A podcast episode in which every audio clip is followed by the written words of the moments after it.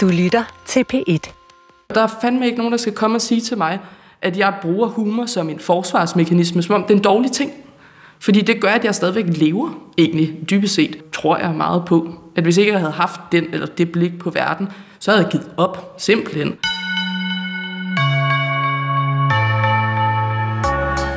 Hvis man googler navnet Anna Jul, er der fire ord, der går igen. Sort humor og psykisk sygdom. Forfatteren har nemlig altid været meget åben om sin skizofrenidiagnose, en sygdom, der i dag er velbehandlet hos hende. Og Anna Jul bevæger sig i det hele taget ofte i krydsfeltet mellem ironi, komedie og tragik. Hun blander sit privatliv ind i sin fiktion, og det er svært at regne ud, om hun er satirisk eller oprigtig, når hun udtrykker sig, og hvem hun egentlig taler om. Hun blev færdig som øh, manuskriptforfatter sidste sommer, og nu er hun så klar med sin første roman med titlen Penge og Bacon. De, der hørte den korte radioavis på det hedengangne 24-7, og de, der jævnligt ser DR3, kender allerede Anna Jul. I den korte radioavis dukkede hun op som karakteren Veronika Katinka Marsten, den mest irriterende, vogue-agtige, krænkelsesparate digter, der skrev ret ulidelige digte, der måske, måske ikke, tog udgangspunkt i Anna Jules eget liv. De udkom i samlingen Jeg bruger min krop som et møbel i 2019. Veronika Katinka dukkede også op i tv-serien Min Kamp på DR3, der handlede om at blive berømt på fjernsyn. Og så har Anna Jul været medforfatter på Kirsten Birgits selvbiografi. Det har jeg altid sagt. Så den nye roman er faktisk hendes tredje udgivelse, men den første i eget navn. Hun har også skrevet manuskript til tv-serien Fantomforhold om kærestesorg og de vanvittige ting, man gør for at komme over det. I romanen Penge og Bacon kryber temaet med vanvid også ind. Her fortæller Anna Jul historien om det velstående unge par, Anders og Anja, hvis virkelighed langsomt smelter, da de to tvinges til at bo sammen alene på grund af uforudsete hændelser. Anja begynder for eksempel at tale med sine vandrende pinde, penge og bacon, der altså har lagt navn til romanen. Skønlitteratur på P1 er i fuld gang. Musikken, du hører her, er fra Anna Jules seneste tv-serie. Jeg er din vært og hedder Nana Mogensen, og jeg er taget hjem til Anna Jul i hendes lejlighed på Frederiksberg for at finde ud af, om den nye roman virkelig er morsom eller tragisk, eller begge dele. Og så selvfølgelig for at få styr på, hvordan de vandrende pinde er kommet ind i romanen og i forfatterens eget liv. Jamen, øh, det kommer så af, at jeg på tidspunkt sidste sommer øh, holdt en lille festival sammen med nogle af mine veninder. Øh, og der kom min kæreste med syv vandrende pinde til mig, som han havde købt som en gave. Den har kostet 5 kroner, de syv vandrende pinde. Og jeg havde det sådan lidt, da du havde fødselsdag, gav jeg dig en tur på Dangleterre men fint nok. Øh, og så fik jeg lov til at navngive de syv vandrende pinde efter de ting, jeg bedst kunne lide i tilværelsen. Og prøv lige at forklare lytterne, hvordan er det vandrende pinde ser ud, altså sådan fysisk? Jamen, det er en pind, som har sådan nogle andre pinde, som er ben, og så er de sådan meget små øjne. Og vi har tre tilbage nu. Vi gav to væk til min venindes lille søster, og de døde dagen efter, tror jeg. Og så er der to, der er forsvundet på mystisk vis et eller andet sted i den her lejlighed. Jeg ved ikke, om de sidder og hygger sig på en eller anden stueplant eller sådan noget. Øhm, men det var ligesom penge og bacon og pjot, som er opkaldt efter min kæreste. Det er den lille af de vandrende pinde. Jeg tror, bacon spiser alle de andres mad, for det er blevet til sådan en vandrende kæp nærmest. Den er blevet meget stor. Og så øhm, ved jeg faktisk ikke, altså det var sådan lidt samtidig med, at jeg sad og skrev på Penge og Bacon-bogen, og sad og kiggede på de der vandrende pinde, og tænkte, nå ja, måske skulle man bare gå Kasper Kolding på den, og smide nogle talende dyr ind i sin øh, roman. Så det gjorde jeg, og øhm, så tror jeg, at, at det ligesom var sådan. Så, og så apropos det at tale lidt i overskrifter, så kunne jeg mærke, at Penge og Bacon ville være en fængende titel. Og så tænkte jeg, nu kalder jeg den sgu bare det. Jeg tror faktisk, det var min redaktør, der sagde, det skal den hedde. Og så den, i lang tid var arbejdstitlen Tilværelsens ulidelige halløj. Øhm, men nu er den endt med at hedde Penge og Bacon. Hvor har du de der vandrende pinde henne nu? De står over, i- de står over i vindueskarmen. Må jeg prøve at se? Ja, jeg henter dem lige. Du må ikke sige for meget øh, om, hvordan de bor, for jeg tror ikke helt, de bor korrekt. Men de lever. Vi begynder at fodre dem med iceberg-salat. Det har vi læst et sted, at det kan de godt spise. Så du kan se, der sidder en der, det er Pjot. Det er den lille af dem. Min kæreste er også meget lille af statur. Og så har vi bacon her. Det er jo en klippert. Ja. Og så sidder penge deroppe og hygger sig. Men altså, øh, altså, hvordan kan man se, om det er hunder eller hanner, og, og hvor er øjnene, og, og, altså, og hvad laver de? Absolut ingenting. Øhm, vi havde hørt, at de formerer sig som små sataner. Men der er ikke, måske har vi tre, der ikke kan bolle med hinanden. Øh, for der er i hvert fald ikke kommet flere babyvandrende pinde til. Øh, hvilket jeg er meget glad for, fordi jeg havde sådan en skrækscenarie om, at der bare ville være sygt mange vandrende pinde i det her glas på et tidspunkt, og jeg synes, de er lidt ulækre. Og min kæreste sådan, tager dem op og sådan, lader dem vandre hen over sin hånd og sætter dem over på planterne og sådan noget, og tager billeder af dem, og han er meget forelsket i dem. Så du har simpelthen fået en gave, der består af infertile vandrende pinde. Ja, og det er jeg meget taknemmelig for faktisk. Det kunne have været værre, lad mig sige det sådan. Men hvad bruger man dem til? Altså, hvad, øh, altså akvariefisk er jo ligesom sådan smukke måske at se på, eller sådan noget. De der, de sidder jo bare. Jamen, det er nemlig det. Altså, men der er noget sådan lidt... Der er lidt, noget lidt spændende i at se dem vokse, faktisk. At gro et dyr på en eller anden måde. Altså, at at nu andre mennesker har børn, eller hunde, eller katte, eller sådan noget. Men dem her kan man meget sådan konkret se vokse. Så altså den øh, bacon her startede jo sådan meget som en centimeter lang, og nu er den måske 10. Øhm, og det har været meget spændende at se, at man rent faktisk godt kan holde noget i live. Men øh, hvad er så endemålet for en vandrende pind? Altså, altså konkret, er det sådan 20 cm eller hvad? Min far påstår, at han engang havde en med på nogle optagelser, som var 30 cm lang. Som jo nok nærmere var en vandrende kæp, tror jeg, for den var blevet også lidt tyk og sådan noget. Og så tror jeg, de, man påstår også, at de kun bliver et halvt år gamle, men de her har altså klaret sig fint i 8 måneder. Okay, og det er dem, der på en eller anden måde har inspireret til, til titlen, og de her vandrende pinde, der er i din nye roman, de er ejet af hovedpersonen, der hedder Anja. Ja. Og prøv at sætte et par ord på øh, Anja. Jamen, da jeg skrev Anja, så, øh, så, så arbejdede jeg med et begreb, jeg kaldte selvbevidst naiv. Når man øh, lades, altså fordi hun siger på et tidspunkt i bogen, at hun er naiv, men at hun er den eneste, der ved det, så det er ikke noget problem. Og den sætning blev faktisk sådan ret øh, beskrivende for hende, at hun ligesom spiller på sin egen naivitet, men i virkeligheden har et meget rigt indre liv. Øhm, og, og det var sådan, jeg, jeg tror, jeg prøvede lidt med den her bog at gøre meget det modsatte af, hvor jeg selv var.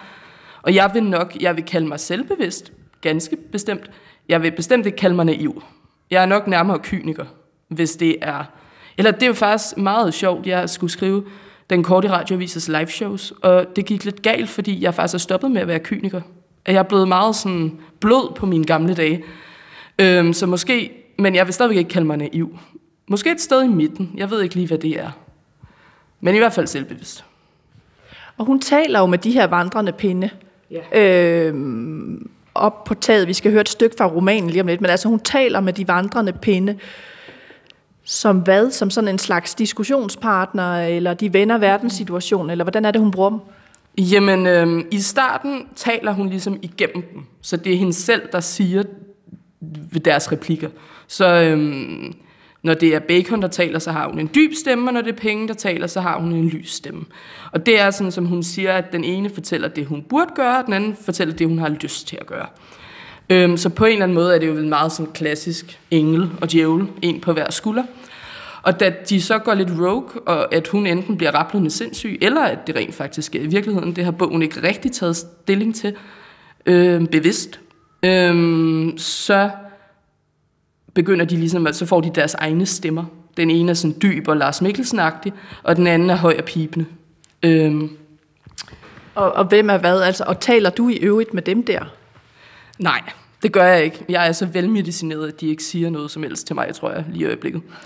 Øhm, jeg skal ikke kunne garantere, at jeg har sådan en plan om at prøve at trappe ud af min medicin, og hvis de begynder at tale til mig, så tænker jeg, at jeg måske skal overveje, om jeg har et problem.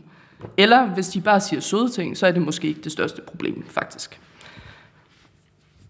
Nej, fordi romanen handler jo også på mange måder om altså det, man kunne kalde virkelighedsopfattelse. Det øh, kommer vi ind på. Men vil du ikke lige prøve at læse lidt op fra begyndelsen, så man får en idé om... Øh, altså, øh, den er jo faktisk også tilegnet til penge og bacon og Piotr. Ja, det, der var så en, der havde tolket det som om, det var min kæreste, den er dedikeret til. Men det kan jo også være den sidste vandrende pind. Så det meget passende, at de er her øh, foran os på bordet. Og jeg skal også lige sige, at undertitlen altså på romanen, det er en parforholdssituation i fire dele. Ja. Øhm, jeg tror, jeg har altid været sådan glad for at sætte scenen på en eller anden måde. Jeg opfinder også, når jeg bliver bedt om at fortælle, hvad genre noget, jeg laver, og er i, så er de altid i så mange genrer på én gang, at jeg er nødt til at opfinde min egen genre.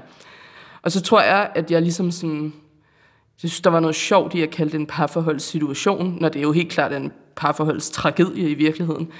Øhm, og jeg synes også, det på den måde sådan, var ret kendetegnende for romanen, som er meget sådan situationsborget, altså scenisborget. Jeg har også skrevet den, som jeg ville have skrevet en film, tror jeg. Øhm, ligesom gik efter at skrive 100 sider i Word, og så vidste jeg, at der skulle være tre vendepunkter. Der skulle ske noget spændende på side 25, og på side 50, og på side 75. Jeg gik meget sådan matematisk til værks, da jeg skrev den faktisk. Nå, lad os starte øh, fra begyndelsen, og det er jo fortalt fra Anjas perspektiv, og hvis du gider læse øh, til og med side 11 øverst, så man bare lige får sat scenen. Jeg kigger på ham, når han sover. Det er sådan en vane, jeg har fået, blandt andet fordi jeg ikke selv sover. Det har jeg gjort længe. Jeg har simpelthen vendet mig af med det, hvilket giver mig mange timer i døgnet, som jeg har valgt at bruge på at lægge et meget stort puslespil, der forestiller Venedig. Jeg har netop i dag færdiggjort en meget stor gondol. Jeg lå, fordi meget store ting er sjove, ligesom for eksempel en meget stor stegepande, den er sjov. Meget små ting er også sjove, for eksempel en meget lille stegepande, den er sjov. Det er rart at kigge på ham, når han sover. Han ser ikke fredfyldt ud, det er ikke det, men han siger sådan nogle sjove lyde, når han sover. Han lyder lidt som en hundevalp eller en lille baby, eller i det mindste er det sådan, jeg forestiller mig, at en hundevalp eller en lille baby lyder, når de sover. For jeg har aldrig været i nærheden af nogen af delene. Jeg har lavet mig fortælle, at hundevalp er søde, og at babyer er besværlige. Jeg skal muligvis aldrig prøve hverken det ene eller det andet, for jeg nyder det, man på fagsprog kalder en egoist-tilværelse i duplex-lejligheden på toppen af Østerbro. Vi har et køkken-alrum, et soveværelse, et kontor og en tagterrasse. Vi har aldrig fået møbleret vores tagterrasse ordentligt, siger far, når han kommer forbi med kleiner, som mor har kogt i ensomhed. Der står kun to stole, et bord og et askebær. Vi ryger, sådan kunne man klassificere os. Vi ryger gennemsnitligt 21 cigaretter om dagen, hver. Når jeg om natten ikke sover eller lægger puslespil, plejer jeg at sidde på vores tagterrasse med mine to vandrende pinde, som jeg har valgt at kalde penge og bacon. Der plejede at være fem vandrende pinde i alt, nemlig også magt, cigaret og juleaften, så, når, så det er nok ikke svært at gætte, hvad de er opkaldt efter. Men magt, cigaret og juleaften er forsvundet under mystiske omstændigheder. Måske gemmer de sig nu i en af mine mange stueplanter nedenunder. Jeg har grønne fingre, og jeg savner dem. Og jeg skal lige forstå det, inden vi taler videre. De to vandrende pinde, der er væk her i lejligheden, ja. har du sat en eftersøgning i gang, eller har du bare accepteret, at de er på mission et andet sted? Det var meget mindfuck-agtigt, da de bare var sluppet ud. Øhm, men det var vidderligt som at lede efter en nål i en høstak. Altså, de er jo meget, meget små, og de blender jo ind med andre ting. Og, øhm, så jeg har, ikke efter, jeg har ikke i gang sat en eftersøgning. Øhm, hvis de dukker op på et tidspunkt, så bliver jeg meget forskrækket, fordi så må de være blevet større. Og så er det lidt ubehageligt at vide, at de bare har kravlet rundt og har kunne kravle på en, når man sover og sådan noget. Øhm, så jeg, det, det er sjældent, jeg siger den her sætning, men jeg håber lidt, de er døde. Men altså, øh, Anja, man kan sige, hun, hun lader sig ikke sådan voldsomt plage af, at de her øh, er væk, de andre vandrende pinde. Og hun bor jo sammen med, med Anders, Øhm, og, og de har den her sådan, på overfladen meget sådan lykkelige tilværelse. Men hun slår mig også som en, når man kommer igennem romanen, en meget upålidelig fortæller. Altså hun, hun erkender flere gange, at hun lyver, og jo længere romanen skrider frem, så afslører hun sådan ret ærgerlige ting om sig selv. Mm. Altså hvad er hun for et menneske? Jamen, øh, jeg tror, hun er det menneske, jeg måske var for ikke så antal år siden. Jeg tror, hvis man spurgte Anja, så vil hun sige, jeg er et røvhul. Og så vil hun bruge det som et get out of jail free card til at blive ved med at opføre sig som et røvhul. Jeg oplever ikke, at hun kigger indad særlig meget. Øhm, altså, altså, det gør hun jo. Hun reflekterer meget over, hvad hun har oplevet, men hun tænker aldrig over, om hun måske selv nogle gange kunne have haft lidt en andel i, at ting går, som de nu gør. Øhm, og som hun jo selv siger på et tidspunkt, så er hun lidt ligesom en amøbe, der har overtaget Anders' liv og hans penge. Og jeg tror egentlig, jeg synes, det var spændende nok at arbejde. Altså i min, min arbejdsproces arbejder jeg med, at de to faktisk elsker hinanden. På en måde, som måske ikke gør, at de skal være kærester, eller gift. Øh, men at der er et eller andet, fordi jeg synes, det var bare sådan helt klassisk filmteknisk. Det var, det var et større dilemma, hvis man egentlig elsker nogen, men også lige pludselig finder ud af, at der er noget, der er sådan rivrav, ruskende mærkeligt i det, man er, er i, uden at spøjle for meget. Men hvordan er det at arbejde med en karakter, der er et røvhul? Fordi normalt så siger man jo, om forfatter, eller du er jo så uddannet manuskriptforfatter, øh, arbejder med karakterer, der ligesom er forvandlingspotentiale eller udviklingspotentiale i, og der skal være, det kan godt være, de har nogle øh, negative sider, men der skal også være noget, man kan holde af for at få publikum eller læseren med. Så hvordan er det at arbejde med en karakter, du selv siger er et røvhul? Jamen, der tror jeg, jeg må, jeg må hive kortet, som er, at jeg tror ikke på, at der er nogen, der er entydigt røvhuller eller ikke røvhuller. Og jeg synes også, at jeg får i hvert fald selv sympati for Anja nogle gange. Øhm, sam, og det, det der med, jeg, jeg tror, jeg synes, det er spændende at insistere på, at ting godt kan være to ting på en gang. At man godt kan være både elskelig og et røvhul på samme tid. Øhm, og jeg tror, jeg var bare så... Jeg laver også film og tv, hvor det er meget sådan. I den karakter skal have et want og et need og et ghost. Og ghostet skal bruges til at forklare, hvorfor karakteren vil det, vedkommende vil, selvom det er dumt og vedkommende bare i virkeligheden skulle gøre, hvad needet var, som altid er sådan noget med at acceptere sig selv, eller lære at elske sig selv, eller et eller andet, noget med sig selv. Øhm, og jeg tror bare, jeg var træt af det der udviklingsshow, der tit kører, når man laver film og tv. Jeg forstår godt, at det er det, der er nemmest at hooke på, men jeg havde også lyst til at lave noget, der på en måde, altså, det er også derfor, jeg har sat den hele, bortset fra de flashbacks eller minder, der er, foregår det hele jo i en lejlighed, øhm, den her duplex-lejlighed. Og det var et ret spændende sådan, når man ikke havde sådan locations at spice ting op med, og ligesom skulle bruge lejligheden i sig selv som medfortæller. Og jeg kunne godt tænke mig, at den blev klaustrofobisk og sådan rimelig stillestående, men samtidig med et mysterieplot. Og at lave noget underholdende om noget stillestående og egentlig ret kedeligt. Altså jeg prøver at skrive en underholdende bog om kedsomhed, grundlæggende. Så lad os øh, læse lidt mere fra romanen, hvor altså, der er det der vendepunkt, noget sker jo. Fordi de lever jo egentlig den her okay tilværelse. Hun jobber på nettet, hun er vågen om natten, øh, øh sammenligner sig med en vampyr, hun er sådan lidt natdyr, øh, og hun bruger Anders' penge og, og overtager hans venner, og noget sker. Øh, fordi der kommer et særligt pressemøde.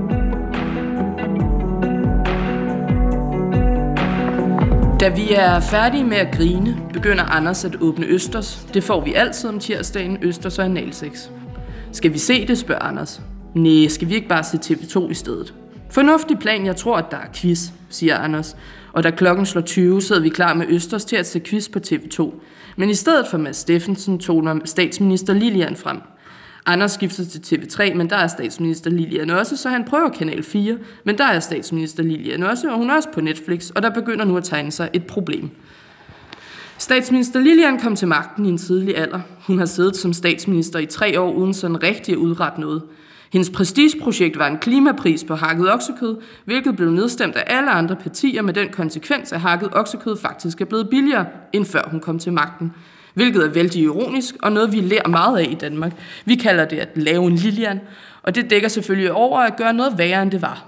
Hvis man for eksempel laver en spaghetti bolognese og kommer noget balsamico i, kun for at finde ud af, at det ikke var det, bolognesen havde brug for, så siger man, jeg kom sgu til at lave en Lilian på bolognesen, og så griner alle.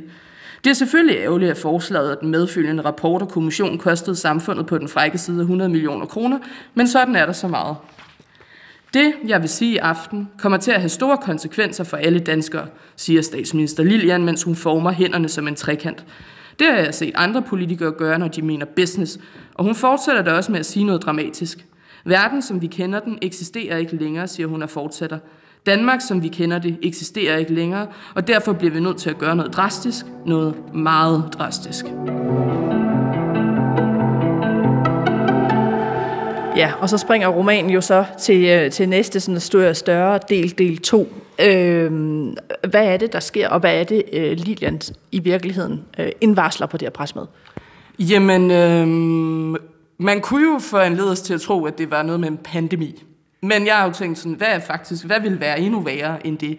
Og det vil være, hvis man havde indset, at det stod så gralt til med klimaet, det tror jeg efter de fleste har. Men hvis man nu besluttede sig for at gøre noget ved det, og det man så besluttede sig for at gøre, var, at alle skulle blive derhjemme, at det blev forbudt ved lov at forlade sin lejlighed, at man lukkede for internettet og for strømmen, så man skulle svine mindst muligt, og så, øh, så man simpelthen laver en klimalockdown, øh, ud fra devisen om, at de får at vide, at den skal vare to måneder, og der er ikke rigtig nogen, der tænker over, altså om det virkelig giver mening, at man kan nedbringe CO2-udslippet så meget på to måneder.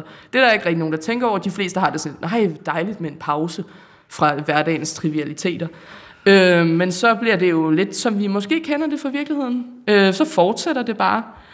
Og så det går aldrig væk i den her bog, ligesom det gjorde under coronapandemien. Men det, så, men det kom jo tilbage igen, kan man sige, med coronapandemien. Så det der med at leve i uvidshed om, hvor lang tid man skal leve på en måde, man synes er nederen, øhm, er det, der driver romanen, tror jeg. Og så skal Anja og Anders jo leve sammen i den her duplex-lejlighed, som jo egentlig er meget lækker. Øh, men tingene, altså jeg synes ikke, vi skal afsløre, hvad der sker, men tingene begynder i hvert fald at gå galt. Ikke? Altså der, øh, måske har de ikke så meget at tale om, måske er deres virkelighedsopfattelser meget forskellige, måske har Anders hemmeligheder øh, øh, som hun finder ud af. Øh, så så hvad, hvad skal man tage det her? Er det sådan en, en kommentar til øh, vores... Øh, øh, erfaringer under corona? Er det sådan en øh, klimafiktion? Altså jeg kan forestille mig, at alle mulige har forsøgt at sætte alle mulige labels på den her roman. Hvad, hvad tænker du selv om det? Jeg synes primært, den handler om ensomhed i tosomhed. Øhm, jeg synes, den forsøger at retfærdiggøre, at det er okay, at man ikke kan leve af kærlighed og kildevand. Det er en forsvarstale for adspredelser og for andre mennesker end den eneste ene. Og det er et forsøg på, at man ikke skal skamme sig over, at man ikke kan finde alting i en person. Tror jeg. Det, det er det, jeg selv vil beskrive den som. Og så er der jo, for ligesom at skubbe det fremad, så er der noget, hiver jeg lidt ned fra hylderne, med noget, jeg, noget med klimaet, at det er jo præsent lige nu.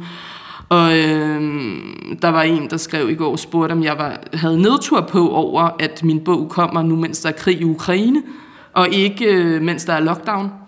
Og der tror jeg, at jeg vil have det sådan lidt, jeg synes faktisk, det er hårdere, at der er krig i Ukraine, og jeg er bange for at dø i en atomkrig, og så kan det jo være lige meget, om jeg selv er 100.000 bøger, hvis jeg alligevel skal dø i en atombombekrig.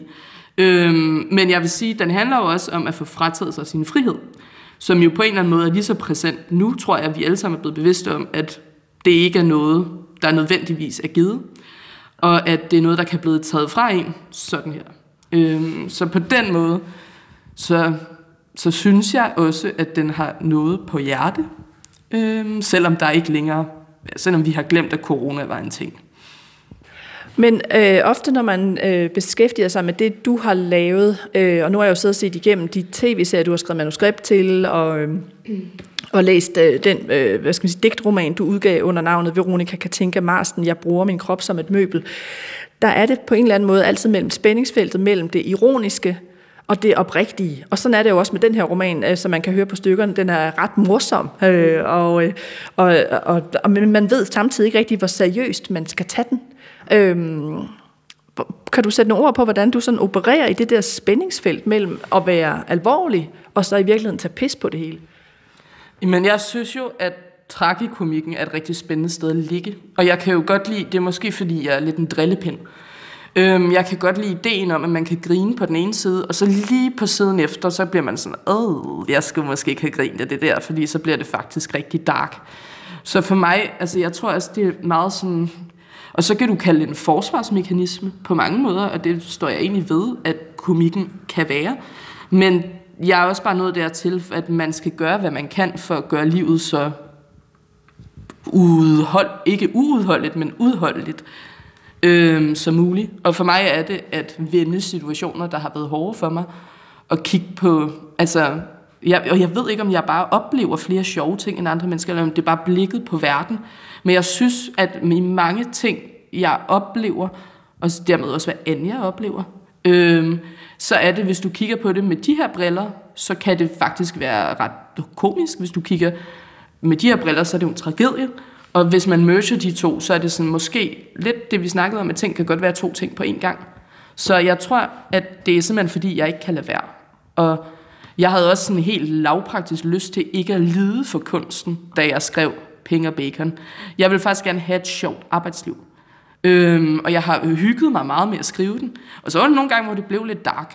Og så havde jeg lige sådan, wow, det var alligevel... Det vidste jeg ikke lige, hvor kom fra, men så gik jeg med det. Men langt hen ad vejen har det jo været sådan et forsøg på at underholde. Undervejs øh, kommer Anja jo også til at tænke over, altså fik hun nu, øh, havde hun nu sex med de fyre, hun gerne ville have sex med, og hvad nu hvis hun bare ender med Anders, og det aldrig går væk, det her klimalockdown, og hun skal leve af grøntsager, det kan hun ikke lide, og ingen kontakt med omverdenen, og altså i starten går der to måneder, og så bliver det forlænget og forlænget. På et tidspunkt tænker hun på, at hun har sex-chattet med en fyr, der kalder sig Vampyr 1987. Yeah. Øhm, og det gjorde hun aldrig rigtig mere ved. Øh, og sagen er jo, at, at du har en Instagram-profil, der også hedder Vampyr1987. Så der er jo sådan hele tiden, at du trækker også på dit eget liv. Øh, og som du siger, også med nogle erfaringer i dit eget liv. Øh, og pressen, eller journalister generelt, har haft svært ved at, at ligesom regne dig ud, fordi der er den her, det flyder sammen hele tiden. Mm. Øh, specielt med øh, den karakter, du skabte tidligere, øh, Veronica Katinka Marsten, som både var en karakter, der var skabt til den korte radiovis, hvor du var i praktik, og så en karakter, der fortsatte i en tv-serie. Mm-hmm. Og jeg tænker, at vi lige, lige skal runde hende en gang. Øh, jeg har taget nogle klip med, øh, så lytterne også får en forståelse af, hvem er det, det her, hvem er det, det her menneske? Se, nu har jeg simpelthen øh, et klip fra den korte radiovis. Øh, jeg har faktisk taget tre digte med fra en helt ny øh, digtsamling. Nå! Øh, som faktisk ikke rigtig er en digtsamling øh, så meget, som det er det, jeg vil betegne som et, et art writing projekt.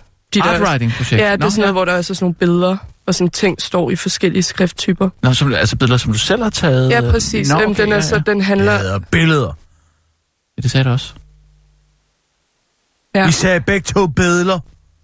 Det hedder billeder. Kirsten, det er måske ikke lige nu, vi skal sidde og finde fejl. Ja? Nej, det drejer sig om, om, om følelser, som bliver krænget ud. Sproget opstår jo ligesom også i munden på det det er rigtigt. Der, der snakker det, ikke? Det er rigtigt. Og det er et værktøj jo, ja. altså, som så mange som muligt skal, skal kunne uh, bruge ja. og, og forstå og tale. Jamen, det er også ja. derfor, når man ligesom laver de her artwriting-ting, altså den, den nye digtsamling hedder Klam i Korea, øh, og er skrevet øh, på en tur, jeg var på til Seoul i Sydkorea. Øh, okay, altså sådan en research-tur, eller? Mm, nej, jeg var der bare. Nå? Ja, øh, men så i hvert fald, så man, sådan, man udgiver den ligesom selv ja. øhm, som jeg ligesom gør, fordi jeg ikke tror så meget på penge, og mener, at, at skriften bør være tilgængelig øh, for alle. Så jeg har lagt den ud på min, min blog, hvor man kan hente den gratis. Skal vi, skal vi prøve at tage et, øh, et digt, eller vil det være okay med dig? Ja, hvis det er okay med resten af selv. Jamen, det er jeg helt overbevist om, det er. Ja. Øh, mm. Ikke også, Kirsten? Kimchi er Korea, som jaret af den sårskorpenes hals, der udgør hele besættelsen af kimchi, som det gærede Korea, det fermenterede Korea. Konnichiwa tænker jeg og tænker så, at det er det forkerte sprog, jeg tænker på. For jeg er tabt i translation, ensom i oversættelsen. Ensom er ikke art. Ensom er ikke fiktion. Ensom er ikke Scarlett Johansson. Ensomheden forkortes ikke, nedbides kun, som neglen af kullet, der aldrig når den diamanterende forløsning af det pæne. Ja, og sådan fortsætter øh, det her digt fra den fiktive digtsamling Klam i Korea. Yeah. Øhm, det er jo sådan en, altså en, en ætsende parodi på sådan en indfølt dansk øh, moderne lyriker, Øh, eller hvordan tænker du selv den her karakter og det projekt, hun har gang i, som så også har udmyndtet sig i den her digtroman? Jamen, øh, jeg, jeg tror, at det var helt klart sådan, karakteren startede. Øh, og der er også sådan, det skal jeg være den første til at indrømme, at jeg har stjålet ting, andre folk har sagt. Jeg tror, jeg kan ikke lige huske, hvilken en af linjerne det var. Det var det der med, at skriften skal være tilgængelig for alle, og ikke tro så meget på penge. Jeg kan ikke huske, hvem jeg tog den fra, men jeg har i hvert fald jeg har læst den et sted, og så tænkte jeg, den napper jeg, fordi vild nok statement egentlig. Øhm, og så, øh, men så tror jeg, at jeg prøvede sådan... Og det, det kan man jo klart diskutere, men jeg prøvede med, at jeg bruger min krop som et møbel, at gøre lidt noget andet. Og på en eller anden måde, selvom det er under pseudonym, at skrive mig selv, altså Anna, og være så åben omkring mine tanker og følelser, igennem Veronica Katingas lidt sådan halvdårlige filter, øhm, at sætte røven lidt mere i klaskehøjde. Og det er jo sådan, fordi jeg tror, at det er sådan, man, man udvikler sig jo hele tiden. Og jeg, jeg synes til stadighed, at noget af det, jeg lavede med Veronica Katinka i forbindelse med den korte radiovis, at jeg synes, det er virkelig sjovt. Og jeg synes, det er meget præcist egentlig, og kender typen. Men også sådan, fordi jeg sparker også lidt ind af, for jeg er også lidt selv typen. Jeg kunne aldrig finde på at sige, at jeg ikke tror så meget på penge. Det ville være virkelig mærkeligt i den her lejlighed, jeg bor i. Men sådan det der med at være så ekstremt selvoptaget og meget sådan meget sikker på, at man er meget genial hele tiden. Selvom man måske allerhøjest er sådan lidt, lidt over middel. Og jeg vil vurdere, at Veronica tænker faktisk ligger et pænt stykke under middel. Øhm, og hvor ligger Anna Jul? Hun har ikke fundet ud af det endnu. Jeg synes, hun veksler meget. Øhm, jeg synes, jeg har lavet ting, hvor jeg har det sådan, det fandt godt det her. Og så har jeg lavet nogle ting, hvor jeg er sådan lidt, kunne jeg godt have gjort bedre. Øhm, eller sådan, ikke på den måde, at jeg gjorde det bevidst dårligt, men hvor jeg tænker, der, sådan, der synes jeg sgu ikke lige, at jeg ramte den lige i røven. Øhm, og jeg tror, at noget af det, jeg er gladest for at have lært på den korte radiovis, er at være ikke så forfængelig med mine egne ting. Men det resulterer måske også i, at jeg er lidt hurtigere end gennemsnittet til at sprøjte ting ud. Og jeg har det egentlig fint nok med, tror jeg, at jeg synes ikke, at penge og bacon er et halvfærdigt projekt.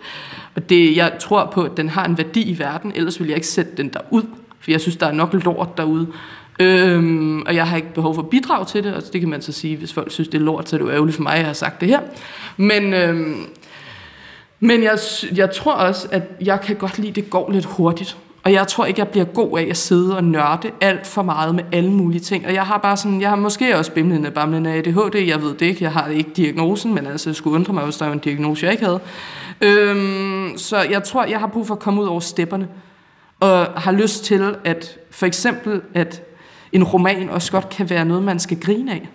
I stedet for noget, der øh, stræber efter at være det største værk nogensinde. Altså jeg har det sådan med Penge og Bacon, det er vidderligt ikke rocket science. Men jeg synes, den er underholdende, og jeg synes, den er sjov, det er måske lidt det samme. Og jeg synes, den har noget på hjerte. Og det er fint nok til mig. Men i det værk, du havde før, der hedder Jeg bruger min krop som et, øh, et møbel, altså, kunne du ikke have lyst til at læse noget op, hvor du, du sagde før det der med, at du, der sætter du røven lidt mere i klaskehøjde? Mm-hmm. Altså, øh, selvom du skriver under et andet, øh, et andet navn. Øh, hvad kunne det være for noget? Fordi det er sådan en genreblanding af en bog, der er både sådan lidt konfirmationstaler, noget digt, noget lidt mere prosa og noget øh, dramatisk, og det er skrevet med sådan masser af skrifttyper. Hvad... hvad øh, hvad kunne du vælge ud der? Jamen, jeg tror, at jeg har brug for at finde det sted, hvor jeg beskriver, øh, når man... Øh, jeg har jo været selvskadende i rigtig mange år, og var det også, da jeg skrev den her bog. Så jeg har lyst til at finde det sted, hvor jeg beskriver en selvskadningsseance, som er taget meget ud af... Altså, det er vidderligt noget, jeg har gjort. Øhm, har et meget amputeret forhold til den her bog, for den handler rigtig meget om min ekskæreste, og det er altså sådan lidt underligt øhm, at læse op fra den. Men jeg kan starte her. Øhm. Vi aftaler, at vi skal knippe på hotel på grund af roommates, og så det med, at han bor på sin mors sofa. Men only temporary, som han siger, as if I care.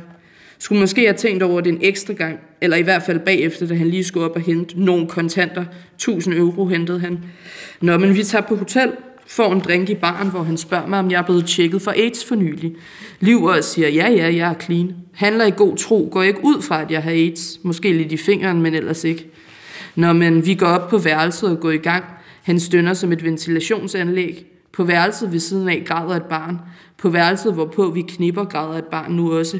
Han spørger mig, om jeg er deprimeret, og jeg svarer, at det ved jeg ikke. Han spørger, om jeg vil hjem, og jeg svarer, at det ved jeg ikke. Så vi knipper igen, eller det vil sige, at jeg ligger bare. Han slår mig lidt i ansigtet, det er rart. Når man på vej hjem passerer jeg en gyde, mens jeg hører True Affection med Father John Misty. Nogen har været så civile at efterlade en glasflaske i gyden. So there's no time like the present, tænker jeg og smadrer den, mens jeg stadig hører True Affection med Father John Misty. Samler det skarpeste stykke op og sætter det mod huden og trykker til. Skulle måske lige nævne de fire guldøl, jeg kværnede i en park før. Super fedt, for så kan jeg ikke mærke smerte overhovedet. Så jeg cutter bare løs som straf for, at jeg slet ikke kan holde mig selv ud, fordi jeg er så klam. Cutter ellers normalt til The National, eller parentes endnu værre, parentes slut, Bon Iver, eller Eurotrans, hvis det skal være mindre stereotypt. Jeg bløder en del. When can we talk with the face? Okay, så det er et af de steder, hvor du sætter, som du siger, røven mere i klaskehøjde, altså i forhold til dine egne oplevelser. Ja, altså, og nu kan man jo altid, det, fordi samtalen gik så meget på, om det var satire eller ej, øh, og fordi folk insisterede på, at den skulle placeres i en kasse. Men jeg tror, at så det i virkeligheden har jeg sat, jeg måske er røven i klaskehøjde forkert udtryk, men jeg har blottet mig. Og jeg tror, at man skal tænke på, at indtil jeg, eller det ved jeg ikke, om man skal tænke på, men indtil jeg blev indlagt på den lukkede i sommeren 18, må det have været, havde jeg aldrig fortalt nogen, at jeg havde selvskadet, siden jeg var 15. Altså, der var ikke nogen, der vidste. Øhm, eller nej, mine forældre vidste ikke. Og derfor var det sådan et, et kæmpe chok for dem, tror jeg, at læse, eller det ved jeg, at læse den her, jeg bruger min krop som et møbel, fordi dem, der kender mig, læser Anna meget ind i den, og dem, der ikke kender mig, er sådan lidt mere i tvivl om, om det er det ene eller det andet. Så det er ikke for at sige, at det er på den måde en bog, der er skrevet til mine familie og venner, men det fungerer lidt som en pamflet til, hvad der foregår i mit hoved også, fortalt gennem et filter. Og øh, under pseudonym. Og det er måske, hvis det er sådan en retrospekt, er det sikkert også for at beskytte mig lidt, selvom jeg blotter mig. Øhm, fordi jeg tror ikke, jeg kunne have skrevet den her bog i eget navn. Øhm, fordi jeg tror, at Veronica Katinka står mere ved, når noget er hårdt, end Anna gør. Så jeg tror, at hvis jeg skulle have skrevet, at jeg bruger min krop som et møbel i eget navn, så var den blevet meget... Øhm, meget mere sådan insisterende på, at så var det heller ikke værre. Så jeg tror i hvert fald, jeg, jeg opfattede det lidt som sådan et frisættende projekt egentlig, at jeg ikke var så opmærksom på, om jeg selv synes, det var godt eller ej, fordi det var et, alligevel et alter ego, der skrev det, så man altid dække sig lidt ind under, Nå, det er også bare, fordi hun er lidt dårlig til at skrive og sådan noget. Så det er også derfor, jeg er meget sådan, meget nervøs med Penge og Bacon, fordi det er i eget navn, og det er bare noget andet. Men jeg kommer til at tænke på en scene, som jeg faktisk drejede under her i øh, Penge og Bacon. Hvor det virker som om, der er noget andet, der titter igennem. Det er også sådan ret morsomme. Og vi skal over på side. Jeg skrev det simpelthen ned her. Det er Anja,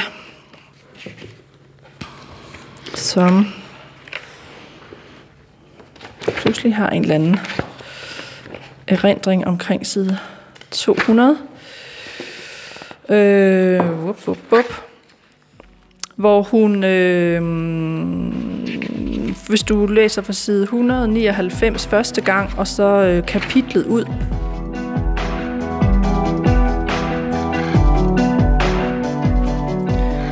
Første gang jeg selv gemte mig for en mand på et toilet, var på en bar i Indre København. Manden havde bagt på mig i et par timer, men jeg havde pænt afvist ham adskillige gange, og til sidst blev jeg træt af ham og gik ud på dametoilettet. Undskyld mig, frøken, men det var vel aldrig sådan, at du kunne sutte min pik lidt, lød det umiddelbart efter fra den anden side af døren. Ellers tak, svarede jeg. Ej, kom nu, bare lige fem minutter. Fem minutter kan føles som en evighed, især med en pik i munden. Ikke min, den føles som et minut, det lover jeg. Jeg sagde ellers tak, og gider du godt at gå, jeg er faktisk på toilettet. Der blev stille på den anden side. Jeg gav det de obligatoriske to minutter, før jeg åbnede døren, og selvfølgelig kunne konstatere, at manden stadig stod der. Han skubbede mig tilbage ind i båsen og låste døren, lynede sine bukser ned. Pikken stod lige ud i luften, og han kiggede afventende på mig, som om han havde regnet med, at jeg bare ville gøre det. Men jeg havde altså virkelig ikke lyst, så jeg sagde ellers tak igen, men så slog han mig i ansigtet. Han virkede ellers ikke som typen. Og jeg tog en pragmatisk beslutning om at slikke ham til udløsning, så han ikke ville slå mig igen. Tusind tak, sagde han, da han var kommet, før han tørrede sig og forlod toilettet. Jeg brækkede mig lidt, før jeg tog hjem. Det er det, der er mest ironisk ved hele den her situation. Jeg troede faktisk, at jeg med Anders havde fundet en god person, som jeg kunne stole på, men nu viser det sig bare, at han vil slå mig ihjel, hvilket i det mindste beviser, at Anders ikke var så kedelig, som jeg troede, han var, hvilket der også er en form for præstation. Jeg er dog klogere end Anders, minder jeg mig selv om. Jeg er et great mind, jeg har regnet ham ud, og desuden så føler jeg mig sært levende lige nu, og det har jeg tænkt mig at blive ved med at være.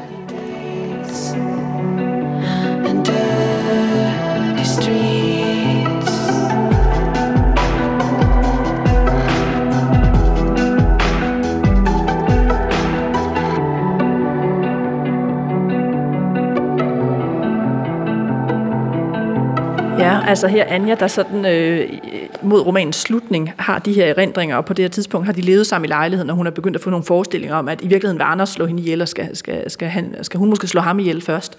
Men den her scene, synes jeg bare øh, tittede ud af romanen som en helt anden type scene end ellers i romanen, hvor der er sådan meget pingpong og, og øh, Anjas øh, mere eller mindre vanvittige forestillinger. Mm. Hvad, hvad er den her scene for noget? Jamen, øh, den sneger sig ind på en eller anden måde. Jeg synes godt, det her må eksistere inde i et komisk univers.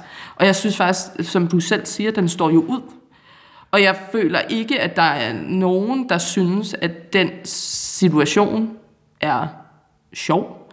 Og jeg tror, men jeg tror også, at den sådan den føles meget præcis lige i øjeblikket. Og at jeg tror også, det er jo en ret væsentlig og vigtig diskussion, som jeg ikke har dedikeret bogen til, fordi bogen skal noget andet. Men jeg synes godt, at den må være et sted derinde, det her med, at jeg kender ikke rigtig, jeg kender ikke mange kvinder, som ikke på et eller andet tidspunkt i deres liv har været udsat for et eller andet, som er virkelig ubehageligt og grænseoverskridende. Og derfor virkede det underligt, hvis Anja ikke havde oplevet det. Og så var det sådan en... Jeg havde også lyst til, at hun skulle... Hvilket jo faktisk også går tilbage til, hvad der sker i min kamp til DR3-serien. Altså, at man piller lag af folk og til sidst, øh, eller af karakterer, og til sidst så står de sådan tilbage sådan rimelig rene, og det er jo nok det rene og det smertefulde hænger på en eller anden måde lidt sammen for mig. Altså at, fordi at jeg tror, at jeg har så mange lag af komik og ironi og meta og alle mulige ting, som jeg elsker, at jeg har, fordi ellers så tror jeg, at jeg var død. Men når man skræller alt det af, så er der jo også det med tragikomikken, at komikken kommer som oftest retrospektivt. I situationen er det mest, eller for mig i hvert fald ofte mest tragedie. Og for at jeg så skal kunne leve med de oplevelser, er det så der, hvor jeg begynder at øhm, tænke tilbage på, om der ikke også var noget lidt sjovt i det. For eksempel, da jeg var indlagt på den lukkede, og min nabo fik en guitar ind, men kunne spille åbningsriffet til Sweet Home Alabama. Og det var jo sådan legit et problem, når man lå og var suicidal, at høre den samme åbningsriff igen og igen og igen. Men det er også bare sådan, hvorfor kunne han ikke en anden sang? Hvorfor, hvorfor lige den? Jordklodens mest irriterende sang. Men det er måske, fordi den er nem at spille på guitar. Og så på den måde bliver det sådan lidt lettere for mig at holde det ud. Men det tager jo egentlig ikke noget fra det med, at, at det også bare i situationen var mega hårdt. Og jeg tror, at i den her situation at var også mega hård for Anja. Men det betyder ikke, at hun ikke kan gå tilbage til sin selvbevidste naivitet umiddelbart lige bagefter.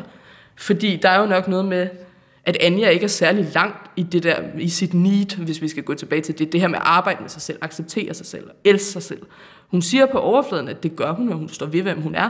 Men summen af alle hendes oplevelser, som jo egentlig også går lidt tilbage til noget, jeg er meget optaget af i lige øjeblikket, at det her med, at man, altså, om hvorvidt, som var noget, vi snakkede meget om i forbindelse med den tv-serie, der hedder Fantomforhold, som jo handler om kærestesover, som er bygget op omkring øh, sovprocessen, de syv stadier af sov. Men at det faktisk, at der er flere og flere, der begynder at tale om, at øh, acceptfasen faktisk ikke findes. At man ligesom stopper i den fase, der hedder reconstruction, hvor man sådan lærer at leve med, eller bygger sit liv op igen, ud fra den oplevelse, man nu har haft. Og jeg synes, det er meget interessant, at der er noget traumeforskning, der peger på, at man faktisk skal glemme sine traumer. Og jo mere Anja er alene, og mere hun tænker over tingene, jo dårligere liv finder hun rent faktisk ud af, at hun har haft. Og det synes jeg var sådan en ret den omvendte terapisession på en eller anden måde, hvor man jo normalt går til terapi for ligesom, så taler man traumet igennem. Man kommer, fordi man har et problem, og så skal det løses. Anja havde egentlig ikke rigtig noget problem, men finder ud af, at det havde hun nok haft, og det efterlader hende et sted, der er meget desperat. Jeg tror ikke, at jeg forsøger at sige, at man, man bare skal glemme alt det dårlige. Jeg tror mere sådan, whatever works for you.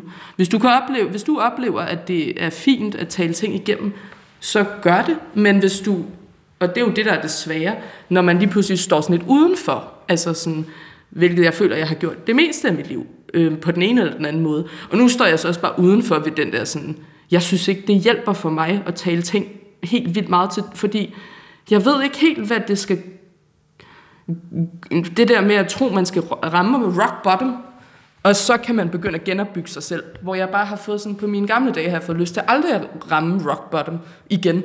Og egentlig bare sådan, så jeg tror, jeg har det sådan lidt, whatever works for you, og der er fandme ikke nogen, der skal komme og sige til mig, at jeg bruger humor som en forsvarsmekanisme, som om det er en dårlig ting. Fordi det gør, at jeg stadigvæk lever, egentlig, dybest set. Øhm, tror jeg meget på. At hvis ikke jeg havde haft den, eller det blik på verden, så havde jeg givet op, simpelthen. Øhm, og jeg tror, man skal jo man skal gøre, hvad man kan for at være menneske på den her jord. Om det er det ene eller det andet, det ved jeg ikke. Men jeg vil slå et slag for, at nogle gange, i nogle situationer, så kan det, vi i fantomforhold kalder det quick fixes, være fint. Mens på andre tidspunkter, så er det mindre fint. Men jeg tror meget på, at hvis man graver ind i, så finder man dårlige oplevelser. Og, og det er jo fint at gøre det. Og jeg ved ikke, hvad man skulle gøre i stedet. Altså, øhm, det er egentlig ikke, fordi jeg sidder og laver en forsvarstal for kokain lige nu. Øhm, men, øhm, men jeg tror bare, at, at det også må være fint nok at vælge den vej igennem livet, som hedder, jeg gider faktisk ikke at sove så rundt i mine egne traumer. Og jeg oplever også lidt, at der er sådan, nu har jeg også gået fire år på kunstskole, og det er givetvis meget anderledes, end det er hos mine fædre i Esbjerg. Men det her sådan et traumebingo, der foregår, hvor det er sådan, den, der har det største traume, skulle angiveligt være bedst til at lave kunst på en eller anden måde. Det oplever jeg lidt, at det er sådan, verden er blevet, og at nu er det ikke længere nok bare at have en fraværende far for at komme ind på filmskolen, fordi det har vi alle sammen. Og jeg synes bare ikke, man skal være bleg for, at man kan bruge sit traume som kapital og som valuta, og det har jeg gjort skamløst. Og det vil jeg gerne altså, stå på mål for, fordi hvad fanden skulle jeg ellers bruge min skizofreni til, hvis ikke jeg kunne kapitalisere på den? Ikke? Hvordan har du kapitaliseret på den, altså sådan øh, i det kunstneriske miljø? Jamen, jeg tror, at det er jo ikke... Jeg har ikke ret mange andre ting kørende for mig. Altså, jeg, du ved, jeg er hvid. Jeg er rig. Jeg er, sådan, jeg er jo på mange måder enormt privilegeret. Jeg er jo selvfølgelig også kvinde, hvilket trækker det lidt ned. Jeg kunne have været en mand. Men der er jo på en eller anden måde sådan lidt det her med, at jeg har kunne mærke nogle gange, at det er fint nok, hvis, når vi lever i en verden, som har så meget, i hvert fald i vores, nu ligger måske ord i munden på dig, men i vores miljø, hvor det er et problem at have privilegier, så er det jo meget strategisk smart at kunne sige, jamen, jeg har det faktisk også rigtig dårligt. Og det har jeg jo også haft, så jeg har jo ikke siddet og løjet. Men det her med, at man på en eller anden måde får mere adkomst til at sige noget, og det oplevede jeg mega meget, at det åbnede vildt mange døre i, under pressefasen, uden sammenligning med, når man skal føde i øvrigt. Øhm, i, I pressefasen, at jeg bruger min krop som et møbel, hold kæft, folk var glade for at finde ud af, at jeg også selv var psykisk syg. Der kunne koge suppe på det, og der kunne alt muligt hjerte hjerte, og det var som om, jeg fik lov til at have skrevet den her bog, fordi jeg selv havde oplevet det. Og nu tror jeg også bare, at jeg er nået dertil, hvor jeg har lyst til at minde folk om, at der findes et begreb, der hedder fiktion og at fiktion er okay at bruge. Og det har jeg brugt rigtig meget i Penge og Bacon. Øhm, det lyder lidt mærkeligt at sige, at man kan bruge fiktion, men det er fiktion. Men følelserne i den kan godt være reelle nok, selvom det ikke nødvendigvis er sådan en-til-en oplevelser, som det var meget i. Og jeg tror også, inden Veronica Katænkes bog skulle udkomme, var jeg sindssygt bekymret, fordi at jeg var sådan, hvad hvis nogen finder ud af, at jeg er for gentofte? Altså, hvad hvis de sådan finder ud af, at min far har købt fucking en to lejlighed til mig, ikke? Hvad skal jeg så gøre? Må jeg så godt være her? Så det har været sådan meget spændende egentlig at opleve, hvordan det, at man har et traume, kan gøre, at man får mere lov til at være i verden.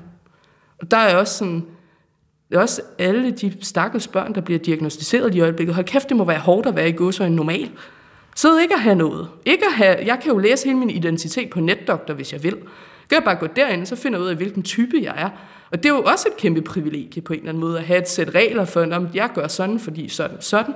I stedet for, at man skal lave sådan en soul-searching og være sådan, måske opførte jeg mig dårligt der, fordi jeg bare lige nu ikke er en særlig fed person. I stedet for, at jeg har meget, meget af mit liv været sådan, ah, jamen jeg gjorde noget dumt, fordi jeg var skizofren. Hvor jeg synes faktisk, det giver mig noget agens og noget kontrol i mit eget liv, at være sådan, ja, nogle gange lavede jeg også bare en dummert. Og så nu skammer jeg mig. Og så må jeg forsøge at udnytte skammen til, at jeg ikke gør det igen. Men hvad så med den her penge og bacon? Altså, fordi der er jo så også presse øh, på den lige nu, ikke? Og interviews, du skal give. Og, øh, men i det her interview, altså jeg har jo ikke øh, lagt an til at tale om din psykiske sygdom sådan fra begyndelsen. Jeg har jo ligesom startet med med, hvordan du selv betragter romanen og så videre. Så det er jo sådan, øh, startet i hvert fald som litterær samtale, så det bevægede sig mm. andre steder hen. Men det er jo en anden tilgang, end, end den du så har mødt øh, ved de, den, den forrige bog. Så hvordan er det for dig at lave presse på den her bog? Altså føler du generelt, at det kører i de samme riller, eller er det noget andet? Øhm, jamen, det, det er både noget andet, men også lidt det samme. Altså, der er det, og det er, jeg vil lige kigge lidt ind af, og anerkende, at jeg nok også bruger nogle gange, trækker jeg også samtalen selv hen på det, fordi jeg er enormt tryg i at tale om det. Jeg ved, hvad jeg skal sige, og jeg ved, hvordan sådan, jeg kan kontrollere ting. Øh, men på den anden side, så har det også været rarere at lave presse på Penge og Bacon, fordi den er personlig, men den er ikke privat på samme måde, som jeg bruger min krop som et møbel var. Og jeg oplever, at der er flere ting i den her, man kan tale om. Øhm, fordi der har været en del, der har haft fokus på, hvorvidt Anja er skør eller ej. Men der er også nogen, der har taget fat i sådan den lidt mere politiske del af bogen, Øhm, så jeg har egentlig snakket om nogle andre ting, som jeg synes har været meget spændende, bortset fra at jeg ikke rigtig ved så meget om politik. Så det har også været sådan lidt svært for mig at komme med en løsning på, hvad fanden man skulle gøre med lockdowns. Vi skal ikke afsløre øh, slutningen af jul, men, men alligevel skal vi i hvert fald tale om, Øh, altså fordi situationen spidser jo til for Anja og Anders. Mm-hmm. De, de, øh, Anja bliver mere og mere, prøver han i virkeligheden at slå mig ihjel, og hvad er det, han gemmer, og, og, og han bliver sådan afslører nogle ting over for hende. Så det, så det kører jo sådan mere og mere op i en spids. Noget sker, og der er en epilog i bogen. Men er det for dig, vi skal ikke sige, hvad den indeholder, men er det for dig en happy ending, eller hvad er det for en slags øh, slutning, den her roman får for Anja Anders? Jeg tror, at det er en... Det er faktisk svært at svare på, synes jeg. Og jeg er måske ikke helt sikker på, om jeg har lagt mig fast på det. Altså, jeg var fra starten ret overbevist om, at det i hvert fald ikke var sådan en genforelskelsesfortælling, jeg var i gang med at leve. Som var sådan noget kærlighed og kildevand kan overvinde alt. Det var ikke der, jeg var. Øhm, og jeg tror, at jeg vil lægge mig et sted, at det på sin vis er en happy ending for Anja, men not so happy for Anders. Anna Jules roman Penge og Bacon udkommer 8. april på Lindhardt og Ringhof. Hendes digtroman Jeg bruger min krop som et møbel er udkommet på forlaget Gladiator under navnet Veronika Katinka Marsten. Kirsten Birgits selvbiografi hedder Det har jeg altid sagt. Den er udkommet hos People's Press og er skrevet af Anna Jul og Rasmus Brun. I udsendelsen hørte du også et lille klip fra den korte radioavis Anno 2017. Musikken stod Jenny Rosander for, hun er bedre kendt som Lydmor. Nummeret hedder Depression og findes på soundtracket til Fantomforhold. Du fik også en stump af nummeret True Affection med Father John Misty. Jeg er din vært og hedder Nana Mogensen. I redaktionen er også Anders Stikker. Skønlitteratur på P1 er slut for den her gang. Du kan skrive til mig på litteratur litteratursnablag.dr.dk Jeg er tilbage i næste uge med mere litteraturstof. Vi høres ved.